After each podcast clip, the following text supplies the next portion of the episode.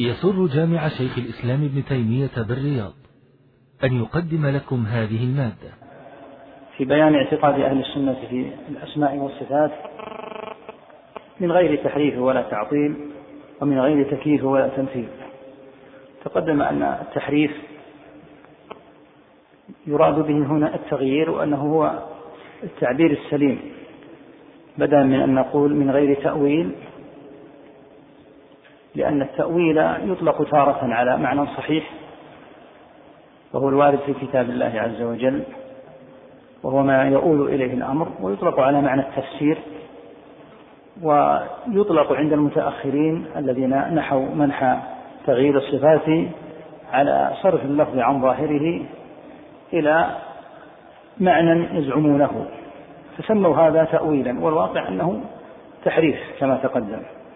من غير تحريف ولا تعطيل تقدم الفرق بين التحريف والتعطيل ثم قال رحمه الله تعالى ومن غير تكييف ولا تمثيل التكييف والتمثيل طريقة أهل التشبيه وطريقة أهل التعطيل هي السابقة إما التحريف وإما التعطيل. والمعطل إذا عطل اللفظ عن ظاهره فإنه يزعم أن المعنى غير معلوم فيفوض المعنى. ولهذا قلنا إن المحرف يأتي بمعنى من تلقائه بعد أن يغير المعنى. أما المعطل فإنه يعطل اللفظ عن ظاهره ولا يأتي بمعنى ويقول يفوض معناه وهذان مسلكان لأهل التأويل الباطل. ومن نفيس ما ذكر شيخ الإسلام رحمه الله تعالى فائدة مهمة لطالب العلم. في بيان حقيقة ما عليه أهل التعطيل وهو أنه رحمه الله لما تكلم عن تأويلات المتأخرين كابن فورك والرازي وأبي الحسين البصري والجبائي وأمثالهم هذه هذه التحريفات للنصوص من أين أتت؟ بين رحمه الله تعالى أنها أتت من بشر المريسي الذي كان معاصرا للشافعي رحمه الله تعالى ولعدد من أئمة الإسلام وضللوه وبدعوه. بشر هذا لم يلقى الجهم بن صفوان الذي قلنا وإنما كما قال الذهبي رحمه الله تعالى تلقف أقوال الجهم بن صفوان من أصحاب الجهم أنفسهم. وكان بشر هذا من عتاة الجهمية وهو رأس الجهمية في فيما بعد. لما صنف مصنفا في تحريف هذه النصوص رد عليه الإمام العلامة عثمان بن سعيد الدارمي في كتابه المعروف في الرد على بشر المريسي رد عثمان بن سعيد. فرد عليه رحمه الله تعالى وصار إذا رد عليه ينقل تأويلات تحريفات بشر المريسي هذا ويرد عليها. يقول شيخ الإسلام فعلمنا أن التأويلات التي عند الرازي وعند أبي الحسين البصري وعند الجبائي وعند ابن فورك قد تلقوها من بشر هذا.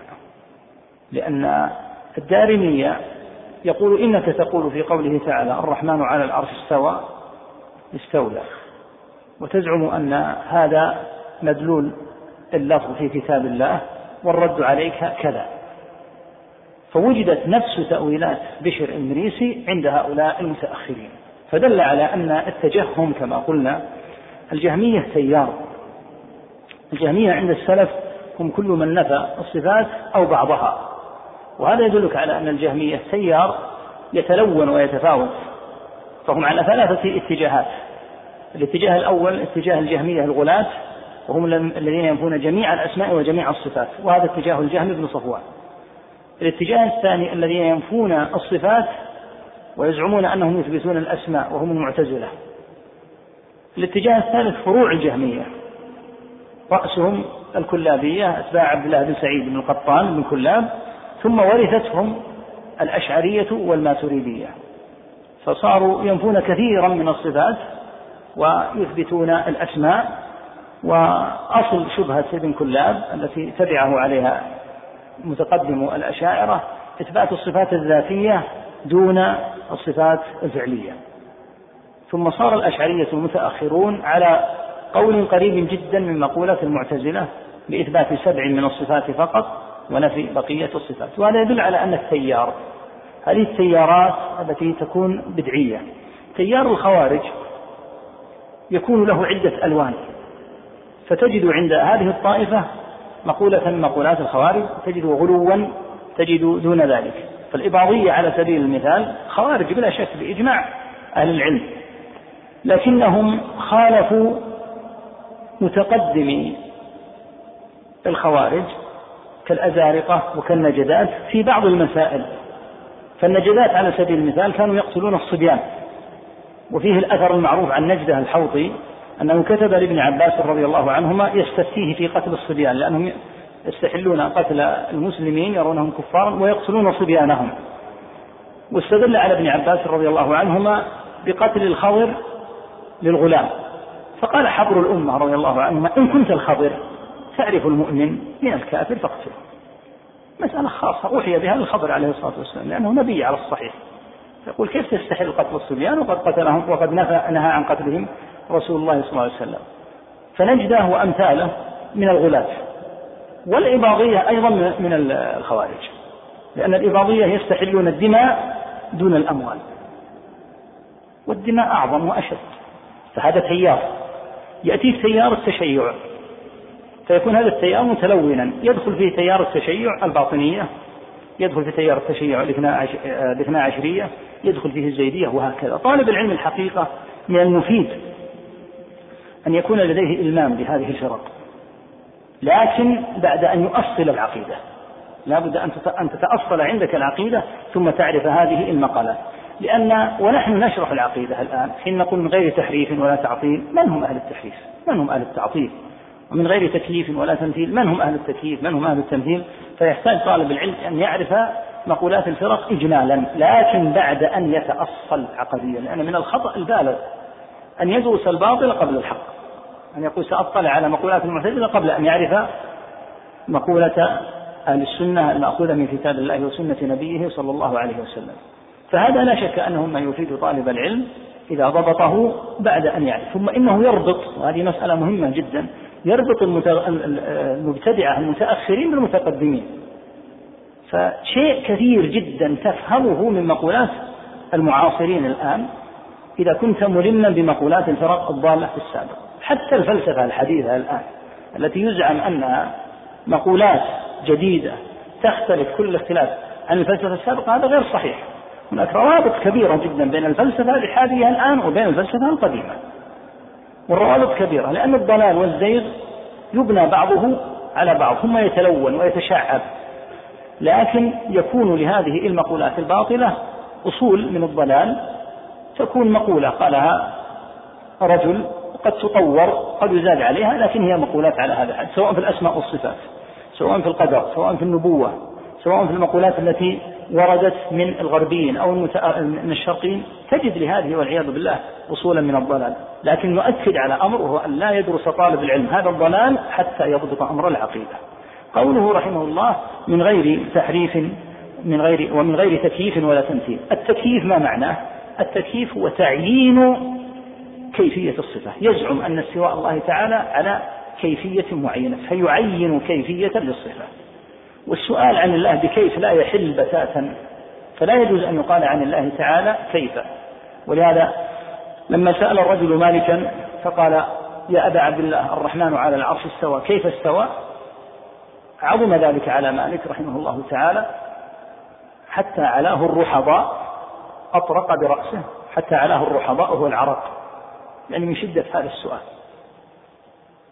ثم قال الاستواء معلوم أي معلوم المعنى والكيف مجهول والسؤال عنه بدعة والإيمان به واجب ثم أمر بالرجل فأخرج من المسجد لأنه سأل عن الله بكلمة كيف. قال الشافعي رحمه الله تعالى لا يقال للأصل كيف ولا لما. والأصل ما هو؟ قال رحمه الله الأصل قرآن وسنة. يعني الدليل إذا قال الله لا تقل لله كيف؟ لا يقال لله عز وجل كيف؟ ولا يقال لله لما؟ لا يقال لله عز وجل لماذا جعل الله الصلوات خمسة؟ لماذا لم يجعلها أربعا لم يجعلها ستا ما يحل. ليس هناك أحد كائنا من كان في مقام يقول لله لماذا؟ قال تعالى لا يسأل عما يفعل وهم يسألون. فليس لأحد بتاتا أن يسأل عن الله تعالى بكيف أو بلما. فالتكييف هو دعواهم أن للصفة كيفية معينة يحددها. أما التمثيل فإنه يعني تشبيه الرب سبحانه وتعالى بغيره بأن يجعل صفة الله تعالى مماثلة لصفة أحد من المخلوقين وكلا القولين لا شك أنها من أقوال أهل الضلال والزيغ. وبه نعلم أن الاتجاهات الباطلة في الصفات على ما ذكرنا إما بأن يبالغ في الإثبات حتى يمثل صفة الرب تعالى بصفة المخلوق. وإما أن يبالغ في النفي حتى ينفي المثبت. وهذا سيأتينا إن شاء الله ضرب من ضروب الإلحاد في أسماء الله تعالى وصفاته. هذه المقدمات الآن أيها الأخوة سنطيل فيها إن شاء الله في المقدمة. فإذا أتينا إلى النصوص من القرآن والسنة وإذا بالقواعد هذه عندنا واضحة. فإذا جاءت آيات في الرحمة في السمع في البصر في الاستواء. اتضحت القاعدة الآن عندك. لأنه سواء كانت الآية التي تثبتها من الصفات الذاتية والصفات الذاتية هي الملازمة لذات الرب تعالى لم يزل ولا يزال متصفا بها.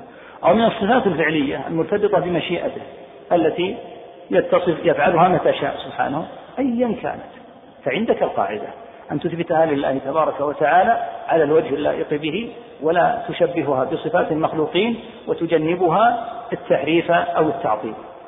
وسواء كانت في القرآن أو في السنة اتضحت عندك القاعدة. نعم. الحمد لله رب العالمين والصلاة والسلام على أشرف الأنبياء والمرسلين نبينا محمد وعلى آله وصحبه أجمعين. اللهم اغفر لنا ولشيخنا وجميع المسلمين. قال شيخ الإسلام رحمه الله لأنه سبحانه لا سمي له ولا كفى له ولا ند له ولا يقاس بخلقه سبحانه وتعالى فإنه سبحانه أعلم بنفسه وبغيره وأصدق قيلا وأحسن حديثا من خلقه. نعم. بين هنا السبب في أن أهل السنة بقي عندنا ولا يلحدون ولا يلحدون في أسماء الله وآياته ولا يكيفون ولا يمثلون صفاته بصفات خلقه. الإلحاد في اللغة معناه الميل. الميل. ولهذا قد يطلق الإلحاد على مسلم. الآن الملحد عند الناس هو الجاحد لوجود الله مثل الشيوعي وأمثاله. الحق أن الإلحاد منه إلحاد كلي ومنه إلحاد جزئي. فقد يكون عند الإنسان إلحاد بمعنى الميل ومنه سمي الإلحاد بالإلحاد. الإلحاد هو الميل. فمن مال عن الحق صار عنده شيء من الإلحاد. وبحسب ما يكون هذا الميل يكون إلحاده. فإن كان ميلا كليا صار إلحادا كليا وإن صار ميلا في مسألة معينة صار الميل بحسبه. والإلحاد صار الإلحاد والميل بحسبه.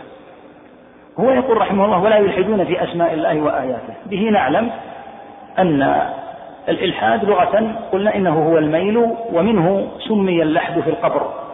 اللحد في القبر في القبر سمي باللحد لأن القبر إذا حفر لا يكون حفرة متساوية بحيث يشق شقة وإنما يلحد بمعنى أن الموضع الذي يوضع فيه توضع فيه الجنازة تلحد بمعنى أن تمال عن سمت القبر حتى تجعل فيها الجنازة. فمنه سمي الإلحاد اللحد لحدا. فهذا معنى الإلحاد. الإلحاد على نوعين تارة يكون في أسماء الله وتارة يكون في آياته. قال تعالى ولله الأسماء الحسنى فادعوه بها وذروا الذين يلحدون بأسمائه سيجزون ما كانوا يعملون. وقال تعالى إن الذين يلحدون في آياتنا لا يخفون علينا ولهذا قال ولا يلحدون في أسماء الله وآياته لأن الإلحاد تارة يكون في الأسماء وتارة يكون في الآيات. الأسماء تقدم الكلام عليها والآيات الآية جمع العلامة. تارة تطلق الآية على الآية الشرعية. وهي الآيات من كتاب الله عز وجل التي أنزلها الله تعالى في مثل هذا القرآن العظيم. فإنه آيات مجموعة آيات. وتارة تطلق الآية على الآية الحسية المعروفة مثل السماء والأرض ونحوه. والإلحاد هنا هو الإلحاد في الآيات الشرعية. يلحدون في هذه النصوص الشرعية بأن يميلوا عنها عن معناها الصحيح ولا يتعاملوا معها التعامل السليم. لأن الإلحاد ضد الميل إذا عندنا منهج مستقيم. في التعامل مع هذه الآيات. وعندنا منهج ملحد أي مائل في التعامل مع هذه الآيات. الإلحاد في الأسماء والصفات على أنواع خمسة وقد يزيد. من أشهر هذه الأنواع من أنواع الإلحاد أن ينفى ما أثبت الله. لأن تقدم أن ما أثبت الله نثبته. فهذا هو الطريق المستقيم. فإذا هو نفى ما أثبت الله فقد ألحد أي مال وهكذا لو أثبت ما نفى الله. إذا نفى الله شيئا وأثبته هو فإنه يكون ملحدا لأن الطريق المستقيم ما هو ما أثبت الله نثبته. ما نفى الله ننفيه. فإذا عكس ونفى ما أثبت الله فقد ألحد معنى أنه مال وإذا أثبت إذا أثبت ما نفى الله ألحد وإذا نفى ما أثبت الله ألحد. لأن الطريق المستقيم هو أن تثبت حيث أثبت الله وتنفي حيث نفى الله. ولنوضح هذا بمثال بين. الصلاة حكمها الوجوب. السرقة حكمها الحرام. التحريم. هذا هو الطريق المستقيم. فلو أن أحدا استحل السرقة ماذا يكون فعل؟ معناه أنه ألحد في هذا الحكم بمعنى أنه جعل الحرام حلالا. هذا نوع من الإلحاد لأنه يجب أن يحرم السرقة التي حرمها الله. وهكذا لو زعم أن الصلاة غير واجبة يكون قد ألحد أي أنه مال لأن الصلاة مما أوجبه الله. فكذلك يقال كما يقال هذا في الأحكام يقال كذلك في أسماء الله وصفاته. يجب أن نثبت حيث أثبت الله. فمن لم يثبت ما أثبت الله فقد ألحد. يجب أن ننفي ما نفى الله. فمن أثبت ما نفى الله فقد ألحد بمعنى أنه مال وثمة أنواع أخرى من الإلحاد. ذكرها شراح هذه الرسالة كالشيخ محمد والشيخ صالح وأمثالهم وغيرهم من أهل العلم وذكرها يعني عدد من أهل العلم. كل تعامل مع الأسماء والصفات بغير الطريق المستقيم فهو نوع من أنواع الإلحاد. ومن ذلك أن يسمى الله عز وجل أن تجعل أسماء الله عز وجل على المخلوقات كما اشتق المشركون بمعبوداتهم من أسماء الله تعالى أسماء فسموا المناه من المنان والعزى من العزيز وهكذا. هذا نوع من أنواع الإلحاد. وهكذا لو سمي الله بما لا يليق به كما يسمي النصارى الرب تعالى أبا وكتسميات الفلاسفة للرب سبحانه وتعالى ونحو ذلك فكل هذا من الإلحاد لأنه لا يسمى الله إلا بما سمى به نفسه. والله عز وجل أعظم من أن تجعل أسماؤه اشتق منها أسماء لهذه الآلهة الباطلة. وهكذا. إذا لا يلحدون في أسماء الله تعالى ولا في آياته. ولا يكيفون ولا يمثلون صفاته بصفات خلقه. ثم قال لأنه هذا تعليل لما سبق من بيان اعتقاد أهل السنة. لأنه سبحانه لا سمي له ولا كفء له ولا ند له. هذه الأسماء الثلاثة السمي والكفء. والند معانيها متقاربة. وأن الله تعالى ليس له مثل سبحانه وتعالى. ليس له سمي كما قال تعالى. هل تعلم له سميا أي سميا يساميه ويماثله؟ حاشا لله تعالى من ذلك. وهكذا لا كفء له ولم يكن له كفوا أحد سبحانه وبحمده. وهكذا لا ند له فلا تجعلوا لله أندادا. قال ولا يقاس بخلقه. القياس أنواع ثلاثة. لا يحل بتاتا أن يقاس الله تعالى بخلقه بحيث يجعل سبحانه وبحمده في قياس شمول وقياس الشمول الذي يضم جملة من الأفراد يشملها ويعمها لأن الله تعالى لا يمكن بحال من الأحوال أن يقاس بغيره سبحانه إذ هو الخالق ومن سواه المخلوق وقد نعى الله سبحانه وتعالى على من فعلوا هذا قال تعالى أفمن يخلق كمن لا يخلق؟ أفلا تذكرون كيف يقاس الذي يخلق بالذي لا يخلق؟ والذين يدعون من دون الله لا يخلقون شيئا وهم يخلقون. أموات غير أحياء. فلا يقاس هؤلاء الذين يخلقون بالذي يخلق سبحانه. وهذه هي بلية فرق الضلال. فرق الضلال جاءها الإشكال من جهة أنها قاست الخالق سبحانه وتعالى على المخلوق.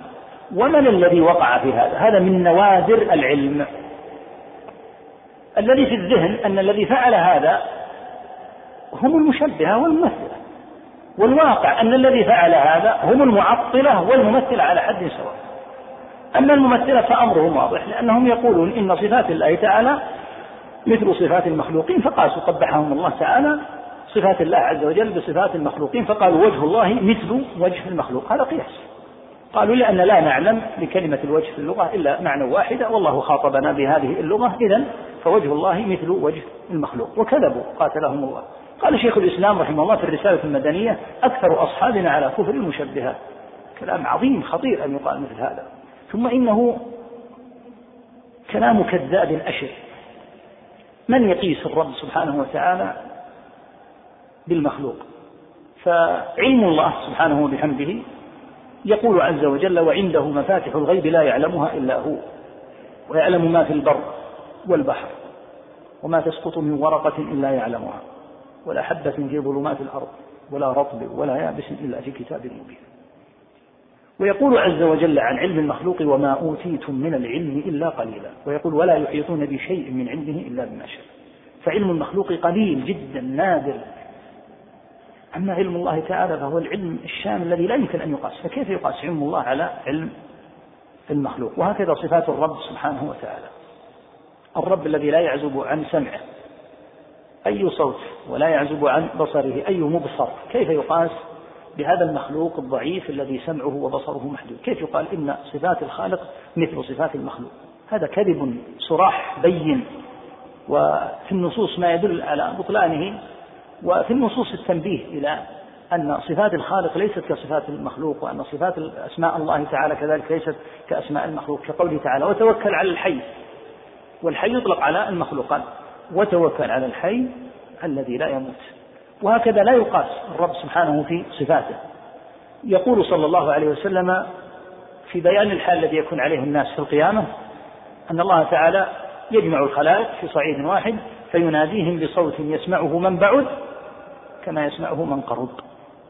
هذا لا يمكن أن يقاس لا يمكن أن يقاس لأن الصوت عند الآدمي القريب يسمع وكلما نأى الإنسان عن الصوت قل سماعه حتى يصل إلى حد لا يسمع كما في خطب الجمعة مثلا. إذا كثر الناس فإن الذين في الصفوف الخلفية لا يسمعون إذا كان المسجد كبيرا أو يسمعون بصعوبة.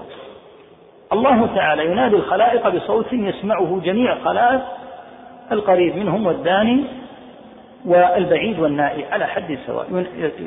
يناديهم بصوت يسمعه من بعد كما يسمعه من قرب.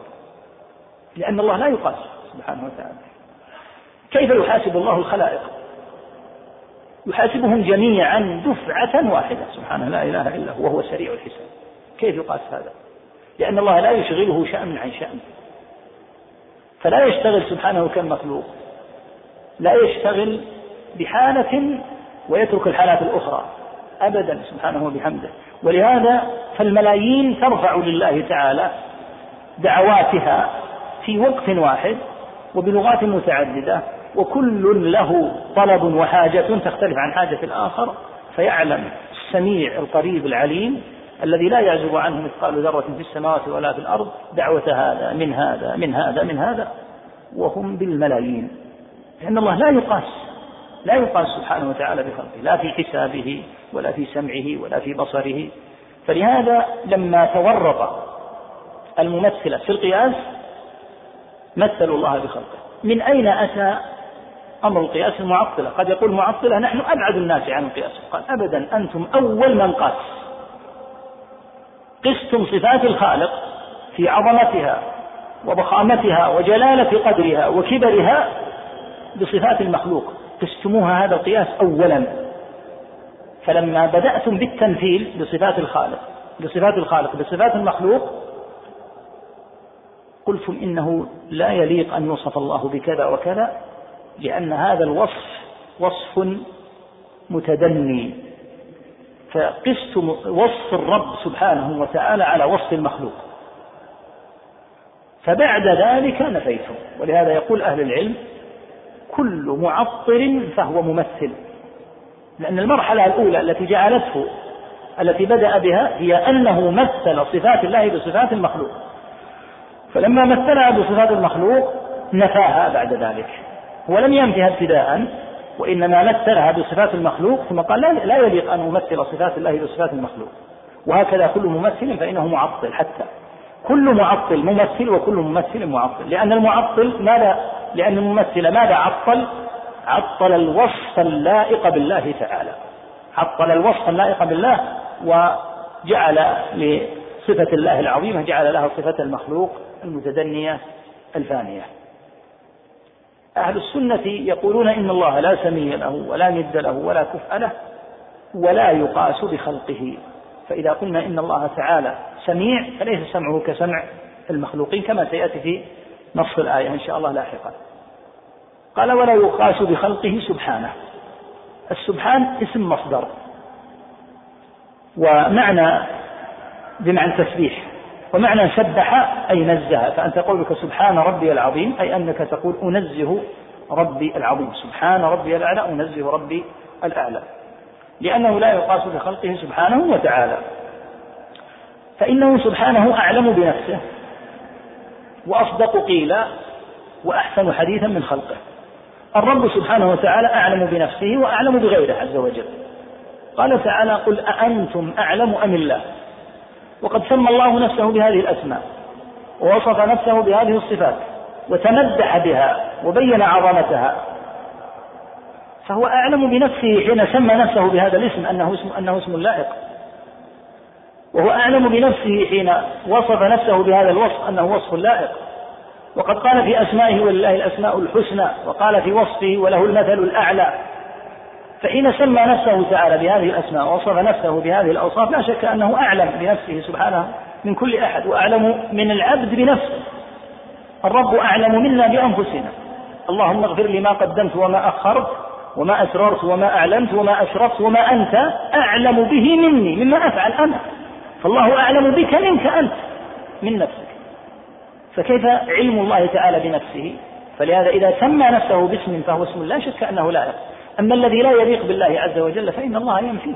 ألا تقرأ قوله تعالى وما ينبغي للرحمن أن يتخذ ولدا فالذي لا يليق بالله ينفيه الله تعالى أو ينفيه رسوله صلى الله عليه وسلم. قال صلى الله عليه وسلم إن الله لا ينام ولا ينبغي له أن ينام. الذي لا ينبغي ولا يليق بالله عز وجل يبين لك في النصوص. أما أن تأتي إلى ما أثبت الله فتقول لا ينبغي ولا يليق محادة لله عز وجل. فالله تعالى أعلم بنفسه. لأنه سبحانه فإنه سبحانه أعلم بنفسه وبغيره وأعلم من العبد بنفسه تعالى. وأصدق قيلا أي أصدق قولا. قال الله تعالى وتمت كلمة ربك صدقا وعدلا. وأحسن حديثا من خلقه. قال تعالى الله نزل أحسن الحديث فما دام ربك أعلم بنفسه. وقوله أصدق القول وحديثه أحسن الحديث سبحانه وتعالى فأذعن لما سمى نفسه ولما وصف به نفسه. وهكذا رسول الله صلى الله عليه وسلم أعلم بالله من كل أحد من المخلوقين صلوات الله وسلامه عليه. قال تعالى وما ينطق عن الهوى. فإذا سمى ربه باسم أو وصف ربه بوصف فلا شك أنه اسم عظيم ووصف لائق بالله تعالى فعليك السمع والطاعة. أن تسمع لقوله تعالى ولقول رسول الله صلى الله عليه وسلم هذا مقتضى الشهادتين أن تشهد أن لا إله إلا الله وأن محمد رسول الله ترتب عليها.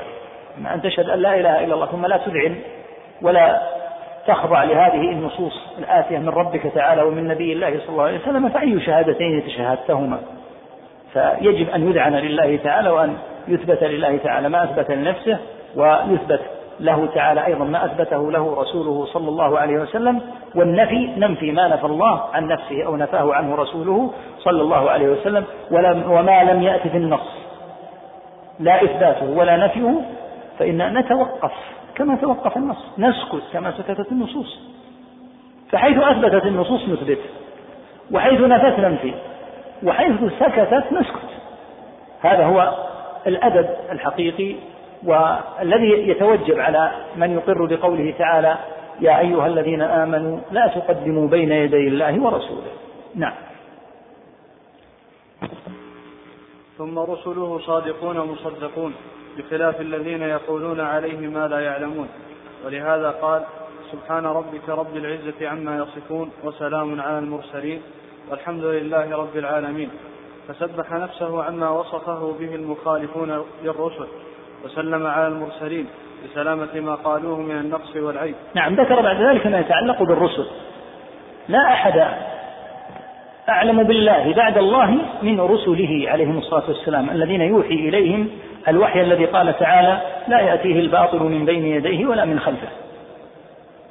رسله صادقون في أنفسهم هم صادقون. هم أبعد الناس عن الكذب عليهم صلاة الله وسلامه. مصدوقون وفي نسخة أخرى مصدقون. فهم مصدقون يجب أن يصدقوا شرعا. مصدقون يعني من حيث الشرع وإلا من حيث الكفار وما قدر الله قد يكذبون. لكن من حيث الشرع هم مصدقون يجب أن يصدقوا. قال تعالى وما أرسلنا من رسول إلا ليطاع بإذن الله. في نسخة أخرى مصدوقون. أي أنهم صدقوا ما كذب عليهم ما أتاهم شيء باطل بل قد أوحي إليهم بالحق المبين. ثم قال بخلاف الذين يقولون عليه ما لا يعلمون.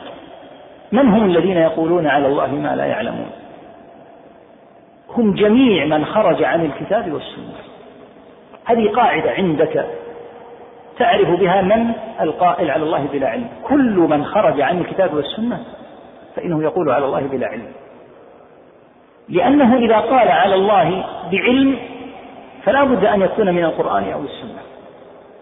أما إذا قال بلا علم فلا بد أن يكون قد خرج عن القرآن وعن السنة. وبالتالي نعلم أن من تكلم في هذه المسائل العظام. بما يسميه كشفا كما تقول الصوفية وذوقا. أو بما يسميه أهل الكلام من المعتزلة والجهمية والأشعرية والماتريدية وأمثالهم بما يسمونه عقلا وهو ليس بعقل هو هوى. لأن الله تعالى يقول فإن لم يستجيبوا لك فاعلم أن ما يتبعون أهواءهم. ليس ثمة طريق ثالث. إما الاستجابة لله ولرسوله صلى الله عليه وسلم وإما وإما الهوى. فإن لم يستجيبوا لك فاعلم أن ما يتبعون أهواءهم فكل من خرج عن الكتاب والسنة فهو قائل على الله تعالى بلا علم. قال ولهذا قال سبحان ربك رب العزة عما يصفون. تقدم معنى السبحان وأنها تعني التنزيل. سبحان ربك رب العزة. العزة من صفات الله تعالى. قوله هنا رب العزة سبحان ربك رب العزة أي صاحب العزة سبحانه. لأن الرب تطلق معنى الصاحب. فهو صاحب العزة سبحانه وبحمده ولله العزة ولرسوله وللمؤمنين. سبحان ربك رب العزة عما يصفون. من هم؟ كل من قال بلا علم فإن الله ينزه عن قوله تعالى. فيدخل في هذا. كل من حاد عن الكتاب والسنة وقال في أوصاف الله بلا علم سواء أكان كافرا أو من المنسوبين إلى الملة. لأنه تكلم على الله في أمر الله تعالى بلا علم فيسبح الرب وينزه عن وصفه. سبحان ربك رب العزة عما يصفون ماذا قال بعدها؟ وسلام على المرسلين. انظروا المناسبة العظيمة هنا. سلم تعالى على المرسلين لسلامة ما قالوه. لأن المرسلين لا يقولون على الله تعالى إلا بعلم. مما أوحاه سبحانه وتعالى إليهم. فهنا نزه سبحانه عن قول القائلين بلا علم سبحان ربك رب العزة عما يصفون. من اليهود من النصارى من الوثنيين من أهل البدع والضلال الذين خاضوا بلا علم. ينزه الرب سبحانه عن قولهم أجمعين. ثم سلم في هذا الموضع العظيم على المرسلين. وسلام على المرسلين. لسلامة ما قالته الرسل عليهم الصلاة والسلام. وهكذا سلامة ما قاله أتباع الرسل صلى الله عليه وسلم ممن استمسك بما عليه الرسل فإنهم يكونوا ورثة لهؤلاء الرسل. قال صلى الله عليه وسلم فإن الرسل لم فإن الأنبياء لم يورثوا دينارا ولا درهما وإنما ورثوا العلم فمن أخذه أخذ, أخذ بحظ وافر يعني علم النبوة. العلم الذي أتاك من مشكاة النبوة إذا استمسكت به وكنت على نية صالحة فإنك تكون وريثا لهؤلاء الرسل صلى الله عليه وسلم. وسلام على المرسلين والحمد لله رب العالمين. قال رحمه الله فسبح نفسه أي نزه نفسه عما وصفه به المخالفون للرسل وهم الذين يقولون بلا علم. وسلم على المرسلين عليهم الصلاة والسلام لسلامة ما قالوه من النقص والعيب وأنى للنقص والعيب أن يأتي في قول الرسل وهم الذين لا ينطقون عن الهوى إنما يقولون مما أوحاه الرب تعالى إليهم. وبه نعلم أن جميع الرسل كما قررنا سابقا متفقون في العقيدة فإنهم جميعا يوحى إليهم فيما يتعلق بالاعتقاد فيما يتعلق بالأخبار من عند علام الغيوب سبحانه الذي هو أعلم بنفسه. ولهذا موسى عليه الصلاة والسلام يصف الله تعالى بالوصف اللائق. نوح إبراهيم عيسى محمد صلوات الله وسلامه عليهم أجمعين كل الرسل يصفون الله تعالى بالوصف اللائق به تعالى.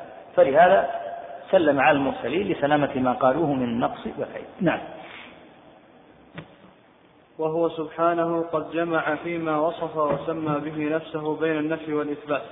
فلا عدول لأهل السنة والجماعة عما جاء به المرسلون. فإنه الصراط المستقيم صراط الذين أنعم الله عليهم من النبيين والصديقين والشهداء والصالحين. نعم. ذكر هنا القاعدة العظيمة في الأسماء والصفات. الأسماء والصفات لا بد فيها من نفي وإثبات. نفي ما نفى الله وإثبات ما أثبت الله. يقول وهو سبحانه قد جمع فيما وصف وسمى به نفسه بين النفي والإثبات. فيما يتعلق بالوصف واضح. أن الرب سبحانه وتعالى يخبرك وينبئك عن أمور يتنزه عنها سبحانه وتعالى. فلا بد عند أمر عند ضبط الاعتقاد في الأسماء والصفات من نفي ما نفى الله. كما أنه لا بد من إثبات ما أثبت الله.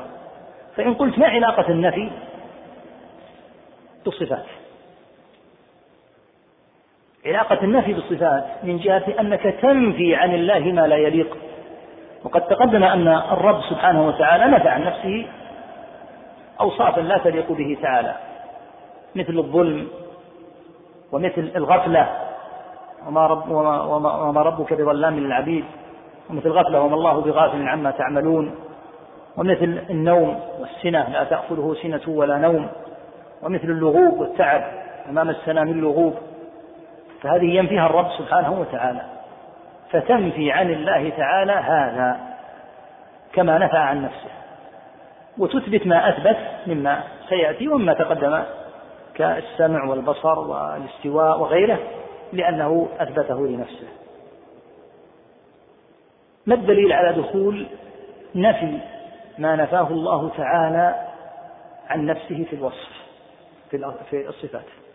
الدليل الحديث العظيم الثابت عنه عليه الصلاة والسلام في قصة الصحابي الجليل الذي كان يقرأ في صلاته بسورة قل هو الله أحد مع سورة أخرى. فقال له من يصلون خلفه؟ إما أن تقتصر على هذه يعني أنه يقرأ بقل هو الله أحد ويقرأ معها سورة أخرى يعني يقرأ أربع سور في الركعتين. قالوا إما أن تقتصر على هذه السورة وإما أن تقتصر على السورة الأخرى. أما أن تقرأ قل هو الله أحد وتقرأ معها سورة أخرى كأن هذه لا تجزيك حتى يعني كأن قل هو الله أحد لا تكفي حتى تضم إليها سورة أخرى. فأبى أن يغير واستمر يصلي بهم. فأخبروا النبي صلى الله عليه وسلم بذلك فقال سلوه لأي شيء يصنع ذلك؟ فقال وهذا هو الشاهد. قال لأنها صفة الرحمن. لأنها صفة الرحمن وأنا أحب أن أقرأ بها. فأخبره عليه الصلاة والسلام أن حبه إياها أدخله الجنة. وفي اللفظ الآخر قال لصحابي آخر عمل نفس العمل أحدهما في كان أميرا لسرية والثاني إمام مسجد قباء. كلاهما صنع هذا. أحدهما قال له حبك إياها أدخلك الجنة وقال الآخر أخبروه أن الله يحبه. الشاهد هنا أنه قال لأنها صفة الرحمن ما الذي في قل هو الله أحد؟ نفي وإثبات إثبات الأحدية وإثبات أن الله تعالى هو الصمد ونفي الولادة والولد عن الله تعالى ونفي الكفر. فدل على أن الأسماء والصفات لا بد فيها من نفي وإثبات. ولهذا قال وهو سبحانه. قد جمع فيما سم فيما وصف وسمى به نفسه بين النفي والإثبات.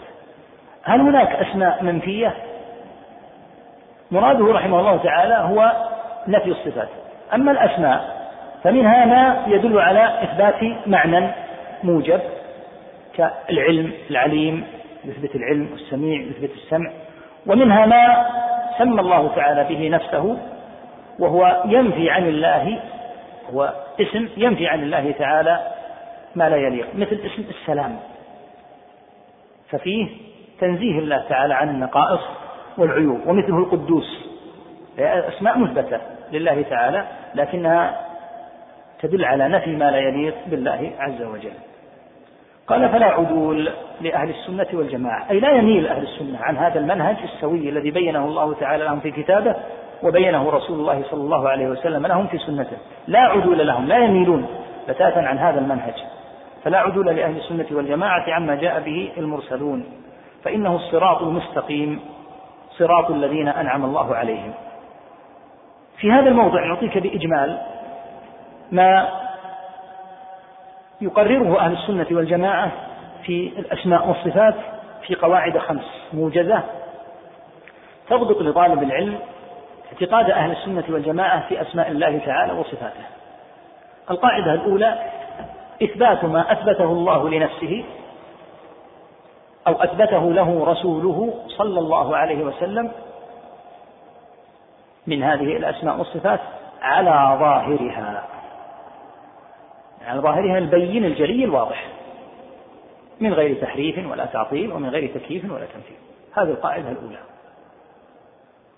القاعدة الثانية أن أهل السنة ينفون عن هذه الصفات مشابهة صفات المخلوقين. لهذا قال هنا وهو, قد وهو سبحانه قد جمع بين النفي والإثبات لأن أهل السنة يثبتون وينفون يثبتون الصفات وينفون عنها المشابهة. هذه القاعدة الثانية. ودل على هاتين القاعدتين آيات كثيرة ومن الآية العظيمة الآتية إن شاء الله الآن ليس كمثله شيء وهو السميع البصير. دلت على هاتين القاعدتين. القاعدة الثالثة أن أهل السنة لا يتجاوزون في تسمية الله وفي وصفه القرآن والسنة. أي أن الأسماء والصفات توقيفية. لا يسمون الله تعالى بأي اسم من تلقاء أنفسهم ولا يصفون الله تعالى بأي وصف من تلقاء أنفسهم بل هي أسماء توقيفية تؤخذ من الكتاب والسنة فقط. القاعدة الرابعة والخامسة. الرابعة متعلقة بمعنى الصفات والخامسة متعلقة بكيفية الصفات. الرابعة أن معنى الصفات أن معاني الصفات من المحكم. الواضح معناه. فتفسر معاني هذه النصوص ويبين أن معنى الاستواء هو الارتفاع على العرش وأن معنى الرحمة كما سيأتينا كذا وأن معنى العلم كذا. يبين يفسر. إذا القاعدة الرابعة تتعلق بالمعنى. أن معاني هذه الأسماء والصفات واضحة محكمة. تأتي إلى القاعدة الخامسة وهي متعلقة بكيفية هذه الصفات. أن كيفية الصفات مما لا يخوض فيه أهل السنة بل يفوضون أمره إلى الله. هذه القواعد الخمس التي بإجمال تضبط عقيدة أهل السنة والجماعة في هذا الباب. من أكثر ما خلط فيه المتأخرون التخليط بين القاعدة الرابعة والخامسة. فإن أهل السنة يقولون من حيث المعنى الصفة من حيث المعنى واضحة. لهذا أنت تفسر وإذا نظرت في تفاسير السلف رضي الله عنهم لنصوص الآيات القرآنية وجدت أنهم يفسرون هذه الصفات. من حيث المعنى واضحة. ولهذا قال مالك رحمه الله الاستواء معلوم أي معلوم المعنى. والكيف؟ الكيف مجهول كما تقدم. يأتي سؤال مهم جدا. صفات الله نحن لا نخوض في كيفيتها فهل لها كيفية أو ليس لها كيفية؟ صفات الله كالاستواء والنزول وسائر أسماء الله وصفاته لها كيفية. هل لها كيفية أو ليس لها كيفية؟ نقول نعم لها كيفية. فإذا قلنا بلا كيف أي بلا كيف نعلمه. أما كيفيتها فالله يعلمها. لا شك أن لها كيفية لكن الله تعالى انفرد بعلم كيفيتها. فنحن نعلم معناها ولا نعلم كيفيتها. الممثلة والمعطلة معا. قالوا ما هذا الكلام؟ تعرفون المعنى ولا تعرفون الكيفية؟ نقول نعم. لأن الله عز وجل أخبرنا بها بلسان عربي مبين واضح المعنى جلي فهمه رسول الله صلى الله عليه وسلم وأفهمه الصحابة رضي الله عنهم وأفهمه الصحابة التابعين وأفهمه التابعون أتباعهم وتسلسل معناها في الأمة. فمعناها واضح. أما الكيفية فأنت أحقر وأصغر وأذل من أن تعرف كيفية الله. ولا تعرف كيفية الله عز وجل لا في الدنيا ولا في الآخرة. الله أجل وأكبر من أن تعرف كيفيته. لا من قبل ملك مقرب ولا نبي مرسل لا في الدنيا ولا في الآخرة. قال تعالى يعلم ما بين أيديهم وما خلفهم ولا يحيطون به علما. الله لا يحاط به علما. يستحيل أن يحاط بالله تعالى علما. هذا قال لا تدركه الأبصار وهو يدرك الأبصار. سبحانه. فالإحاطة مستحيلة بالله تعالى. فالله لا يحاط به عز اسمه. ولهذا تعرف من هذه الصفات جانبا وتجهل جانبا. فتعرف المعنى والدليل على أنك تعرف المعنى وأن المعنى واضح حتى عند المعطل لو أنصف. أنك حين تقول يا رحمن ارحمني فإنك ترجو الرحمة. وحين تقول يا جبار لا تعذبني فإنك تعرف معنى ما تدعو به. فالرحمة التي تدعو بها ويدعو بها حتى المعطل ساجدا حين يقول رب اغفر لي وارحمني. إذا قال الرحمة هذه معناها غير المعنى المعلوم. إذا ماذا تدعو به؟ ما الذي تدعو به؟ تسأل الله أمرا لا تدري معناه. لا شك أن المعنى معلوم. ولهذا تأمل الآيات التي فيها الأسماء والأوصاف التي فيها ذكر الرحمة. كل منتسب للقبلة يؤمن بأن هذا كلام الله يرجو عندها. فإذا سمعت قوله تعالى الرحمن الرحيم. أنت والمعتزلي جميعا ترجوان. ما يدلك على أن قولهم إنها تغير معانيها قول كاذب أو قولهم إن معانيها غير معلومة تفوض قول كاذب. لأنك ترجو ولم ترجو إلا لأن الرحمة معلومة المعنى وهكذا إذا سمعت قوله تعالى إن بطش ربك لشديد. لا شك أنك تخاف. ما الذي جعلك تخاف؟ أنك تعلم المعنى. فلو لم تكن تعلم المعنى لما رجوت هنا وخفت هنا. ولهذا لاحظوا الآيات القرآنية يجمع فيها بين ما يستوجب ويستدعي الخوف والرجاء. قال تعالى ويحذركم الله نفسه. هذا تحذير شديد جدا أن يحذر الله تعالى العباد بنفسه. أعظم تحذير على الإطلاق أن يحذرك الله تعالى نفسه. فلما هذا يكاد أن تتقطع معه القلوب قال والله رؤوف بالعباد. فلا يهلك الناس. إذا حذرك الله تعالى نفسه تحذير خطير جدا. المؤمن يتقطع قلبه من هذا التخويف. قال والله رؤوف بالعباد. حتى تجمع بين الخوف والرجاء. ولهذا قال تعالى نبئ عبادي أني أنا الغفور الرحيم وأن عذابي هو العذاب الأليم. اعلموا أن الله شديد العقاب وأن الله غفور رحيم. حتى يجتمع الخوف والرجاء. فلو كان معنى الغفور والرحيم غير واضح ما رجوت. ولو كان معنى ويحذركم الله نفسه غير واضح ما خفت. كما تقول المفوضة الذين يقول المعاني غير معلومة الذين عطلوا المعاني. لولا أنها واضحة ما حصل خوف ولا رجاء. ولهذا يذكر الله تعالى الآيات التي تستدعي من المؤمن الخوف مع الآيات التي تستدعي منها الرجاء وقد يذكر تعالى ذلك في الأسماء وفي الصفات لأن معانيها معلومة. فالذي يقول معنى الصفة غير معلوم كاذب.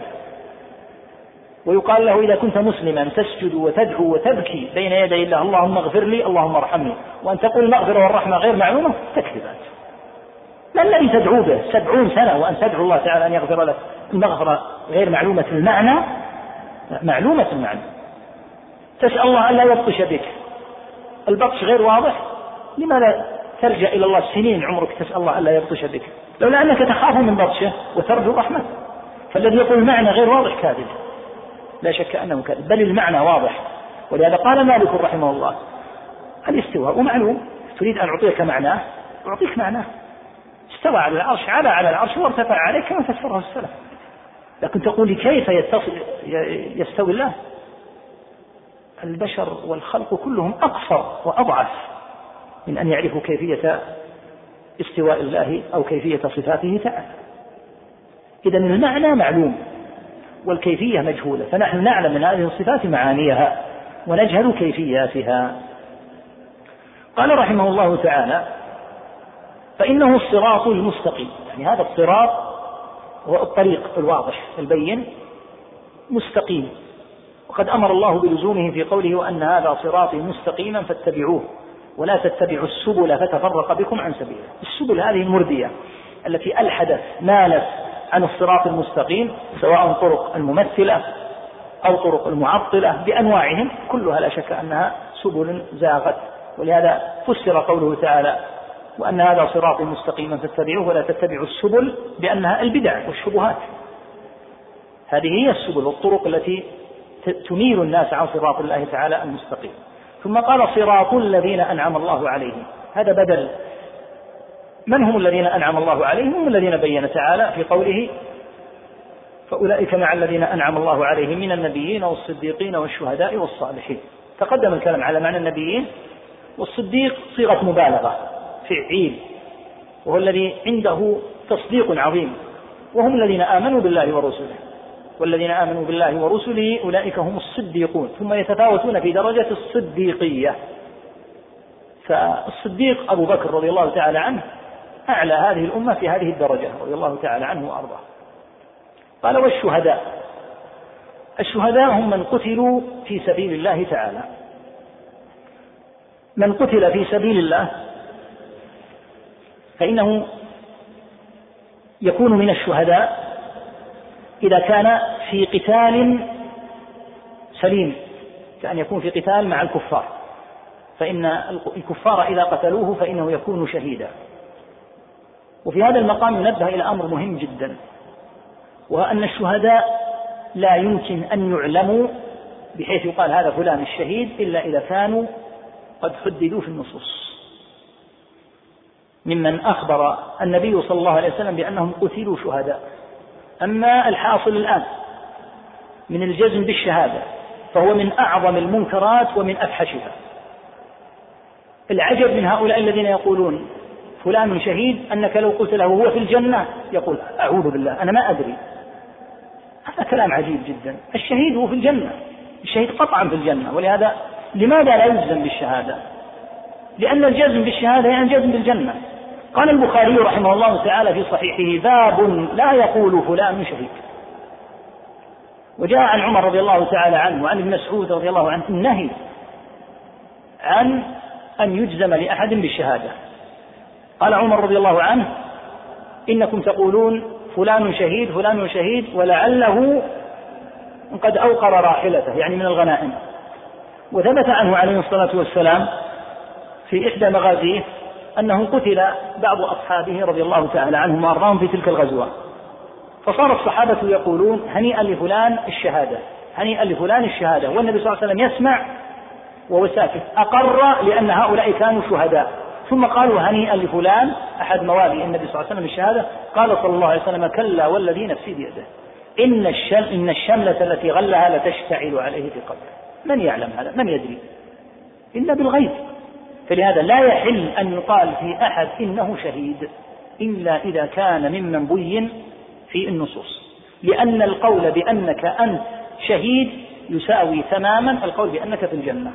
وهذا للأسف كثير بين المتدينين. وتحمل العاطفة التي لا يزمها العلم على مثل هذا والجزم. لكن يقال يرجى يرجى أن يكون من الشهداء. نسأل الله أن يجعله من الشهداء شيء آخر. يعني تدعو له بالجنة. كما أنك تقول نرجو له الجنة نرجو للمحسنين نخاف على المسيئين هذا عام لكن فلان شهيد يعني فلان في الجنة. والعاطفة غلبت في هذا للأسف الشديد. وإلا فهذا واضح وجلي في النصوص في كلام النبي صلى الله عليه وسلم في كلام السلف في ترجمة البخاري واضحة. باب لا يقول فلان شهيد.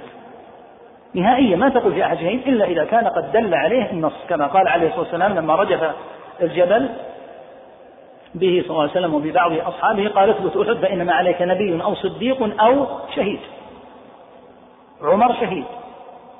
علي شهيد. عثمان شهيد رضي الله تعالى عنهم وأرضاهم. وأبو بكر صديق. فالقول بالشهادة بهذه السهولة والجزم به حتى بلغ الفورة في وسائل الإعلام أن يقال فلان شهيد وهو نصراني أو كافر. من العاجيب هؤلاء أصلا ليسوا من المسلمين حتى يرجى لهم الجنة. الجنة لا ترجى بتاتا إلا لمن مات على الإسلام. فصارت مسألة الشهادة ألعوبة للأسف الشديد وصارت العاطفة تحمل على هذا ولا نعجب من الإعلام. الإعلام فيه يعني فضائع وبلايا كثيرة. نعجب من أهل الدين. قد يكون أحدهم خطيب مسجد ثم يقول الشهيد. لا يحل هذا بتاتا لأنك تجزم الآن على رب العالمين بأنه من أهل الجنة وتجزم بأن نيته صالحة وبأنه قتل على درب سوي لا يحل بتاتا أن يجزم به. لهذا قال أهل السنة نرجو للمحسن ونخاف عن المسيء. حتى المحسن حتى العلماء الأعلام والصالحون. عمر بن عبد العزيز نرجو له رجاء. وأمره إلى الله عز وجل لكن تستطيع أن تقول له في الجنة؟ ما تستطيع. ما تستطيع أن تقول إن ابن تيمية في الجنة ما تقدر. ما يحل هذا. لكن نرجو لا شك لابن تيمية. نرجو لابن عبد الوهاب نرجو لابن باز نرجو لعمر بن عبد العزيز. نعم نرجو. بالأعيان نرجو رجاء. لكن فيما يتعلق بالمؤمنين نشهد بالعموم بأن الجنة للمؤمنين للعموم لكن إذا أتينا إلى الأفراد لا يشل هذا. نشهد ونجزم بأن من قتل في سبيل الله فهو شهيد. نعم قاعدة عامة. أن من قتل في سبيل الله فهو شهيد. لكن فلان شهيد حكمت على ربك تعالى وحكمت أيضا على نيته بأنها صالحة. وليس هذا فقط في موضوع الشهادة حتى في موضوع المعاصي. يعني من مات مسرفا شاربا للخمور عاقا لوالديه قاطعا للطريق فاعلا كذا وكذا. هل تستطيع أن تقول إنه من أهل النار؟ وهو من المسلمين. ما تستطيع. ولهذا ثبت عنه عليه الصلاة والسلام في خبر الذي قال والله لا يغفر الله لفلان أن الرب تعالى قال من ذا الذي يتألى علي ألا أغفر لفلان؟ لقد غفرت له وأحبطت عملك. مع أن هذا كان مجتهدا في العبادة وذاك كان مسرفا في المعاصي. الأمر متعلق بالله. فر منه أشد من فرارة من الأسد. الأمر المتعلق بحكم الرب سبحانه إياك أن تخوض فيه. أحله إلى رب العالمين. ولهذا من أنفس ما جاء عن السلف رضي الله عنهم أن أبا وائل شقيق بن سلمة رحمه الله تلميذ ابن مسعود قال له رجل يا أبا وائل أي شيء تحكم على الحجاج؟ الحجاج مات. تحكم عليه يعني بالجنة أو بالنار.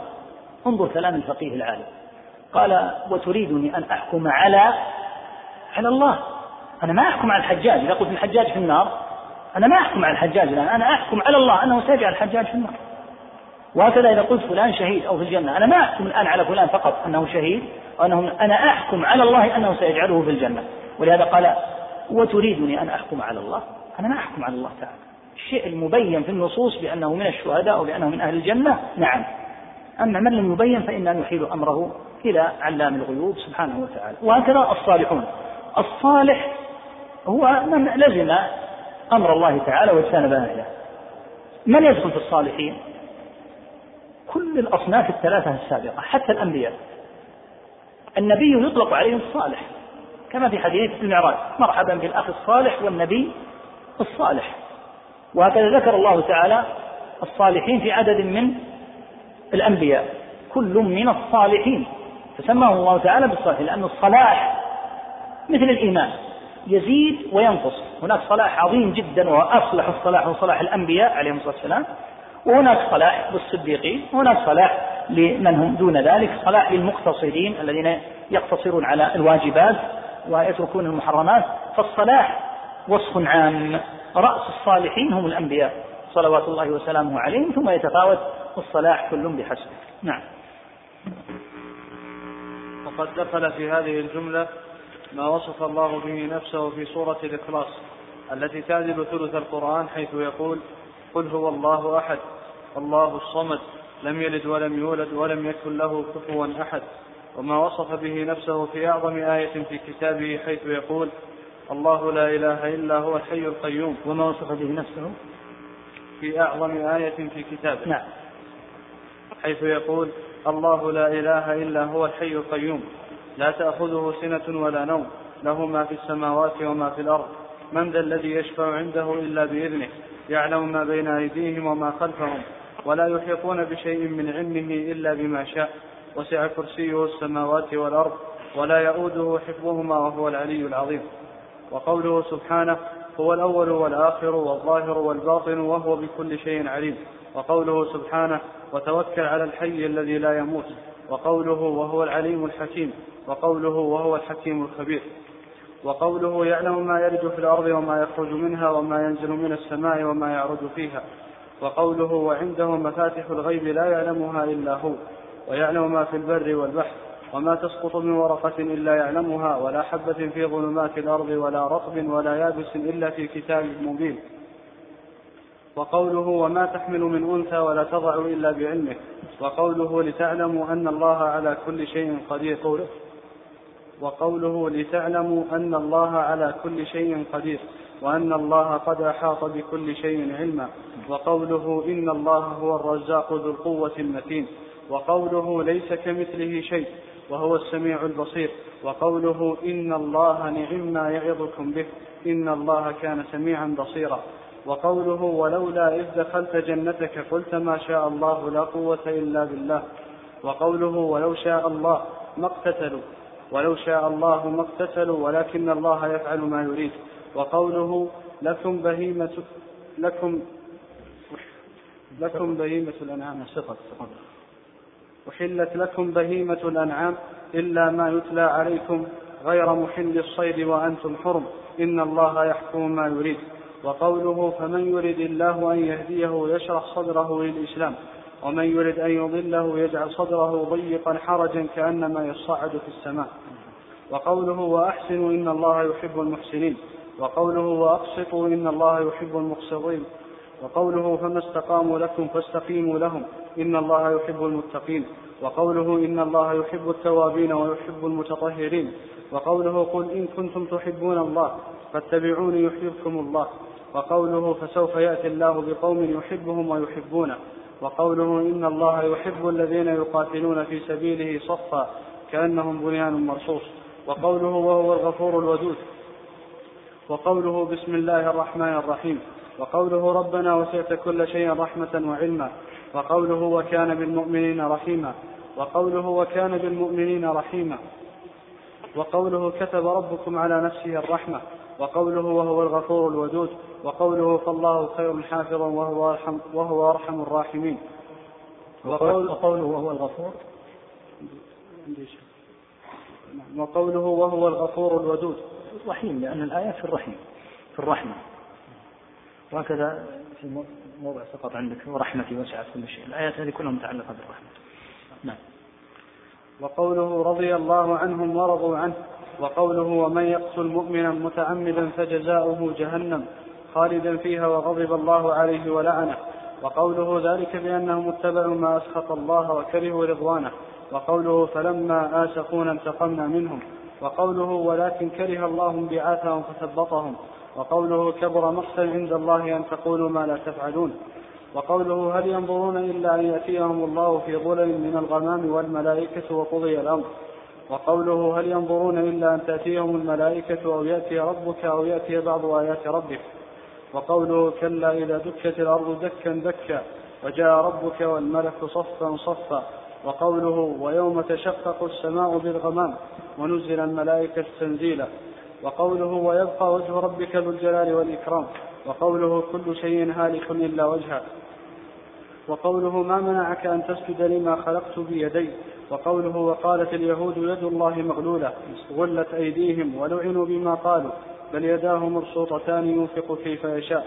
وقوله واصبر لحكم ربك فإنك بأعيننا. وقوله وحملناه على ذات ألواح ودسر تجري بأعيننا جزاء لمن كان كفر. وقوله وألقيت عليك محبة مني ولتصنع على عيني. وقوله قد سمع الله قول التي تجادلك في زوجها. وتشتكي إلى الله. والله يسمع تحاوركما إن الله سميع بصير. وقوله لقد سمع الله قول الذين قالوا إن الله فقير ونحن أغنياء. وقوله أم يحسبون أنا لا نسمع سرهم ونجواهم بلى ورسلنا لديهم يكتبون. وقوله إنني معكما أسمع وأرى. وقوله ألم يعلم بأن الله يرى. وقوله الذي يراك حين تقوم وتقلبك في الساجدين إنه هو السميع العليم. وقوله وقل اعملوا فسيرى الله عملكم ورسوله والمؤمنون. نعم إذا تبينت لك القاعدة السابقة وما تقرر اتضح لك جميع ما يدخل في هذه القواعد. لهذا قال وقد دخل في هذه الجملة. يتضح لك الآن أن كل ما تقدم من تقرير أهل السنة يدخل فيه جميع الآيات سواء مما ذكر الشيخ رحمه الله هنا أو مما لم يذكر. تبينت لنا القاعدة في التعامل مع هذه الأسماء ومع هذه الصفات فتثبت على ما تقدم. والآيات كثيرة جدا لكن الشيخ رحمه الله هنا توسع. بيانا لكون أهل السنة والجماعة مسلكهم هو مسلك القرآن ولهذا إذا انتهى من هذه الآيات سيبدأ بنصوص السنة. فما يقررونه من إثبات هذا الوصف العظيم اللائق بالله تعالى هذا أمر مضطرد وليس عند أهل السنة تفريق فيقولون نعمل بهذه الطريقة السليمة مع الآيات مع الصفات المعينة هذه ولكن ننهج نهجا آخر مع الصفات الأخرى. أبدا. الصفات قسمت إلى قسمين كما تقدم صفات ذاتية وصفات فعلية. الصفات الذاتية التي لم يزل ولا يزال تعالى متصفا بها كعلمه وحياته والصفات الفعلية هي التي تكون بمشيئته فيفعلها إذا شاء سبحانه وتعالى كاستوائه على عرشه ونحو ذلك. فلا تفريق عند أهل السنة والجماعة هذه قاعدة مضطردة جميع ما, ما وصف الله وسمى به نفسه تقدمت عندك القاعدة في الأسماء ولله الأسماء الحسنى هذا أعظم ما تكون من الحسن وفيما يتعلق بالأوصاف ولله المثل أي الوصف ولله المثل الأعلى. فكل ما وصف الله تعالى به نفسه أو سمى به نفسه فهو مخبر متمدح به سبحانه وتعالى معظم لنفسه. ولهذا الإقرار بالأسماء والصفات أثره كبير جدا على المؤمن. ولهذا لاحظ بعض النصوص التي يذكر الله تعالى فيها التقوى بعد ذكر الصفة أو التحذير من بطشه تعالى بعد ذكر الصفة. يقول تعالى واعلموا أن الله يعلم ما في أنفسكم فاحذروا. نبهك إلى أنه يعلم ما في النفس. ماذا يستوجب هذا؟ يستوجب الحذر. لأن هؤلاء البشر من حولك قد يحسنون بك الظن ويحسنون التعامل معك. لكن انتبه إلى ما في نفسك. احذر. لأن من أوصاف الله العلم. ومن علم الله أن يعلم ما في النفس. فإذا كان ما في النفس منطويا على نفاق فإن الله يعلمه. فاحذر لهذا رتب الحذر على العلم. واعلموا أن الله يعلم ما في أنفسكم فاء الفاء هنا رتبت الحذر على العلم. فاحذروا. ولهذا إذا نفيت الصفات عن الله عز وجل تنتهي التقوى. فإن العباد يتقون الله تعالى إذا كانوا يعلمون أنه إذا كانوا يقرون أنه يسمع فيضبطون ألفاظه. إن الله تعالى يسمع. يتقون الله في أفعالهم لأنهم يعلمون أن الله يعلمها وأنه يراها. ألم يعلم بأن الله يرى؟ يقول رب العالمين يراني. الآن أنا في موضع نائي ليس عندي أحد. لكن أين أذهب عن نظر رب العالمين؟ لأنه مقر بالصفات فمن أعظم ما يجلب التقوى الإقرار بالصفات. ولهذا كان بعض السلف يربي ابنه على اسم الله السميع. منذ الصغر ما يربي على القصص والأحاجي وكان في على اسم الله السميع. الصغير إذا ربي على اسم الله السميع ينتبه إذا أراد يتكلم وقال انتبه الله يسمع لا تكذب. يتربى لأن الله تعالى سميع ولأن سمعه حقيقي سبحانه وتعالى. فأثرها عظيم جدا على المؤمن. لهذا خطورة نفي الصفات أنها تجرئ العباد على الوقاحة وقلة الأدب. إذا نفي عن الله العلم والسمع والبصر من يتقي الله بعد هذا؟ فخطورة نفي الصفات كبيرة بالغة جدا. لهذا أن تسمع مواقف أهل السنة التي سجنوا فيها وقتلوا وأهلكوا وعذبوا وطردوا في موضوع الأسماء والصفات. موضوع الأسماء والصفات خطر جدا. هو التعريف بالله عز وجل. إذا دخلت مقولات المعتزلة والمعطلة أضرت إضرارا بالغا جدا بالأمة. لهذا لما عرض على الإمام أحمد رحمه الله في موضوع قول المعتزلة الخبيث في خلق القرآن لما قيل له يا أبا عبد الله إن عرضت على السيف ترجع قال لا ما أرجع حتى لو قتلت. يعني ما رأى أن الإكراه في مثل هذا الحال يجعل مثل هذا الإمام يرجع. لأن الأمر خطير يعني إذا هون من شأن الرب سبحانه وتعالى في قلوب العباد ينفتح الكفر والزندقة والفسق والفجور. أنت تعلم أن المؤمن أعظم ما يزمه عن المعصية في الخلوة الصفات. أنه يقر أن الله يراه سبحانه وتعالى. وإلا إذا أغلق عليه البيت في في نهار رمضان ما الذي يمنعه من الأكل والشرب؟ ما عنده أحد. إذا ذهب خارج بلاده والفواحش عياذا بالله متاحة ما الذي يمنعه من الزنا؟ أنه يقر أن الله يراه. فإذا ضربت هذه الصفات انفتح الكفر والزندقة والضلال لأن كان الله لا يراني ولا يسمعني ولا يعلم بي أي معنى للخوف منه. ولهذا مقولة المعتزلة السخيفة الفاسدة يقولون الله عز وجل عليم بلا علم سميع بلا سمع. هذا كلام يجرئ الناس على كان عليما لكن ما عنده علم الاسم ما له معنى ما له حقيقة. لأنه إنما كان عليما لأنه متصف بالعلم. لأن كل اسم فإنه لا بد له من صفة. فهو عليم إذا هو متصف بالعلم سميع متصف بالسمع. أما تقول سميع لكن بلا سمع من يخاف؟ من يخاف من سمع سميع؟ من يخاف من سميع لا سمع له أو عليم لا علم له. فالمقولات هذه خطرة جدا وفشوها في الأمة لا شك أنه يفتح أبوابا من الشر يعني ثبت أهل السنة هذا الثبات. ذكر رحمه الله تعالى هنا جملة يقول دخل في هذه الجملة كل هذه النصوص مما ذكر ومما لم يذكر من أحدية الله تعالى وصمديته عز وجل ومن نفي الولادة والولد عنه سبحانه وتعالى أو أن يكون له كفوا أو أن يكون له كفوا أحد. وهكذا يدخل بهذا ما ذكر الله في أعظم آية في كتابه وهي آية الكرسي وسورة الإخلاص ثبت عن النبي صلى الله عليه وسلم أنها تعدل ثلث القرآن يقول كل هذا يدخل. سورة قل هو الله أحد. عدلت ثلث القرآن لأن موضوعها هو هو رب العالمين والتعريف. ليس فيها أحكام وليس فيها قصص ولا أخبار إنما فيها التعريف بالله عز وجل.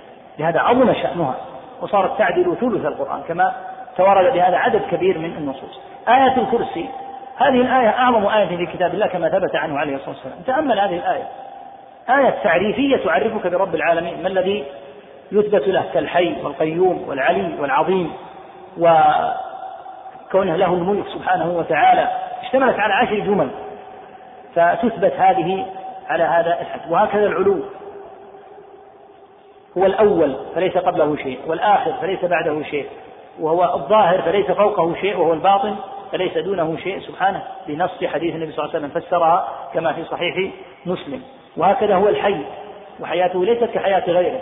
حياة غيره تعالى مسبوقة بعدم وملفوقة بفناء. أما الرب سبحانه وتعالى فقال فتوكل على الحي الذي لا يموت. فليس سبحانه وتعالى مسبوقا بعدم بل هو الأول فليس قبله شيء سبحانه وبحمده. وهكذا لا يموت فليس مسبوعا بوفاة وهلاك. كل من عليها فان ويبقى وجه ربك ذو الجلال والإكرام. وهكذا إثبات الحكمة والخبرة. الحكيم تارة يطلق بمعنى الحاكم وتارة بمعنى يطلق من جهة الحكمة التي هي وضع الشيء في موضعه وكلا الأمرين ثابتان لله تعالى. وهكذا الخبير الخبير هو العلم ببواطن الأشياء فهو سبحانه عليم بالظواهر وبالبواطن. وهكذا ما ذكر في الآيات كالآية التي ذكرنا. وعنده مفاتح الغيب لا يعلمها إلا هو ويعلم ما في البر والبحر فهو يعلم التفاصيل سبحانه وتعالى. حتى إنك إذا كنت في البرية ورفعت حصاة وجدت تحتها أمة لا يحيط بها إلا الله سبحانه وتعالى من النمل أو الدواب أو غيرها يعلم سبحانه وتعالى أعدادها وأوصل إليها أرزاقها علم علم عام ما في البر والبحر وما في السماوات وما في الأرض وما بينهما وهو العليم الخبير سبحانه وبحمده. ثم ذكر ما يتعلق بالسمع. والبصر وأنه لا يعزب عن سمعه شيء سبحانه وبحمده. ولهذا لما اجتمع ثلاثة قرشيان وختنهما ثقفي أو ثقفيان وختنهما قرشي فقال أحدهما أترون أن الله يسمع؟ فقال أحدهما إن رفعنا أصواتنا. فقال أحدهم إن رفعنا أصواتنا سمع وإن لم نرفع لم يسمع. فقال الثالث إن كان يسمع إذا رفعتم فإنه يسمع إذا خطبتم فأنزل الله السميع العليم. وما كنتم تستترون أن يشهد عليكم سمعكم ولا أبصاركم ولكن ظننتم ولا جلودكم ولكن ظننتم أن الله لا يعلم كثيرا مما تعملون وذلكم ظنكم الذي ظننتم بربكم أرداكم فأصبحتم من الخاسرين. فجاءهم الإشكال من جهة إحاطة سمع الله فأنزل السميع العليم سبحانه وتعالى الذي سمع ما قالوا أنزل هذه الآية. وعنفوا على هذا الاعتقاد الفاسد الخبيث في ما يتعلق بصفات الله. فالله يسمع ويبصر سبحانه وتعالى وهكذا فيما يتعلق بالإرادة. فلا يقع شيء إلا بإرادته ويأتي الكلام إن شاء الله على الإرادة في الكلام على القدر. وهكذا المحبة فهو يحب أشخاصا وهم أهل الإيمان ويحب أعمالا وهي الطاعات. قال صلى الله عليه وسلم إن الله لا يرضى يأتي هذا في الرضا إن شاء الله فهو يحب سبحانه يحب التوابين ويحب المتطهرين وهو سبحانه يحب ويحب هو ودود سبحانه فهو موجود يعني محبوب وهو واد أي يود ويحب أولياءه تعالى. وهكذا ما يتعلق بالرحمة. وذكر عليها الآيات بسم الله الرحمن الرحيم. وبين تعالى أن رحمته عظيمة أعظم من أي رحمة ورحمتي وسعت كل شيء. فلله عز وجل أعظم ما يكون فيما يتعلق بوصف الرحمة. وهكذا الرضا. الله يرضى أقوالا ويرضى عن أناس من أهل الإيمان. قال تعالى رضي الله عنهم ورضوا عنه. وهكذا قال النبي صلى الله عليه وسلم في العمل. إن الله لا يرضى عن العبد. يأكل الأكلة فيحمده عليها ويشرب الشربة فيحمده عليها. ثم هكذا ما يتعلق بغضبه. سبحانه وبحمده. وأنه غضب حقيقي. لائق بالله تعالى. خذ عندك هذه الآية من أعظم ما يرد به على من تأول غضب وهي قوله تعالى فلما آسفونا انتقمنا منهم. آسفونا أي أغضبونا وأشد الغضب انتقمنا. المؤولة يقولون إن إن إن غضب الله هو إرادة الانتقام يعني حتى لا يكون وصفا يوصف به الله. الآية هنا تكذبهم لأن الله ذكر الانتقام بعد الغضب. قال فلما آسفونا أي أغضبونا انتقمنا منهم. فالأشعرية يريدون أن يجعلوا الغضب هو نفس الانتقام. يعني أن الله تعالى إذا خسف مثلا بهم الأرض أو زلزلها أو أتاهم العذاب من فوقهم قالوا هذا هو معنى الغضب ولم يقم بالله غضب. الله تعالى بين أن ما يترتب على الغضب هو الانتقام. قال فلما آسفونا انتقمنا. منهم. وهكذا ما يتعلق بمجيئه لفصل القضاء. لا شك أنه يجيء مجيئا يليق بجلاله وعظمته وجاء ربك هل ينظرون إلا أن يأتيهم الله؟ وهكذا ما يتعلق بوجه الله. وجه الله عز وجل دلت عليه عدة نصوص وهو الذي سأل النبي صلى الله عليه وسلم ربه أن يكرمه بلذة النظر إليه. قال صلى الله عليه وسلم أسألك لذة النظر إلى وجهك. إذا لم يكن لله وجه فما معنى النظر؟ وما معنى الرؤية؟ كل هذا يبطل ويضمحل. لا شك أنه مما يثبت لله تعالى الوجه اللائق به عز اسمه. وهكذا قوله تعالى بل يداه مبسوطتان. ردا على قول اليهود. وقالت اليهود يد الله مغلولة. فذكروا يد الله وذكروا أنها مغلولة. لو كان الله غير متصف باليد لنفى اليد من أصلها. فلما قالت اليهود إن لله يدا وإنها مغلولة كذبهم الله فيما افتروه وهو أنها مغلولة. وأثبت اللائق به وأن لله يدا. وقالت اليهود يد الله مغلولة غلت أيديهم ولعنوا بما قالوا بل يداه مبسوطة. فأثبت أن له يدين. والبسط عكس الغل الذي تدعيه اليهود. فنفى ما لا يليق به. لا شك أن لله تعالى يدين. وهكذا تثبت الله تعالى العينان. واصبر لحكم ربك فإنك بأعيننا. ويأتينا أن النبي صلى الله عليه وسلم قال إن ربكم ليس بأعور. في حديث الدجال وأن الله تعالى العينين بإجماع أهل السنة وهكذا ما يتعلق بالسمع والله يسمع قد سمع الله قول التي تجادلك في زوجها وتشتكي إلى الله والله يسمع. ذكرها بصيغة الماضي وذكرها بصيغة المضارع ثم ذكرها بصيغة الاسم. إن الله سميع والله يسمع تحاوركما إن الله سميع بصير. كل هذا دال على إثبات هذه الصفات وهذه النصوص والعجب من أناس يشهدون أن لا إله إلا الله ويقرؤون هذا القرآن يعلمون أنه من كلامه تعالى كيف يجرؤون؟ على رد هذه النصوص على كثرتها و يعني تنوعها وتعددها على هذا النحو. نسأل الله أن لا يقلب قلوبنا وأن لا يزيغنا عن الحق. والله تعالى أعلم وصلى الله وسلم على نبينا محمد وسلم